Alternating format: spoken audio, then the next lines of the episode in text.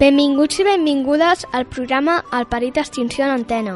Avui us parlarem del titi lleu daurat. El seu nom científic és Leontopithecus chiromeras. El cap i el cos mesura de 30 a 40 centímetres i el seu pes es troba entre 360 i 800 grams.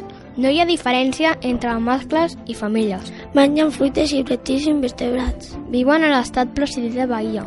És d'hàbit diurn i són arborícoles. A la nit dormen als forats dels arbres. Està en perill d'extinció a causa de la destrucció del seu hàbitat. Les accions que es duen a terme són les reserves ambientals. Hi ha alguns contes on apareixen aquests animals, com ara Trilló, el lleó de tres caps. Fins aquí el nostre programa El perill d'extinció en antena dedicat al titillau daurat. Us hem acompanyat el Kevin i l'Eloi. Fins aviat!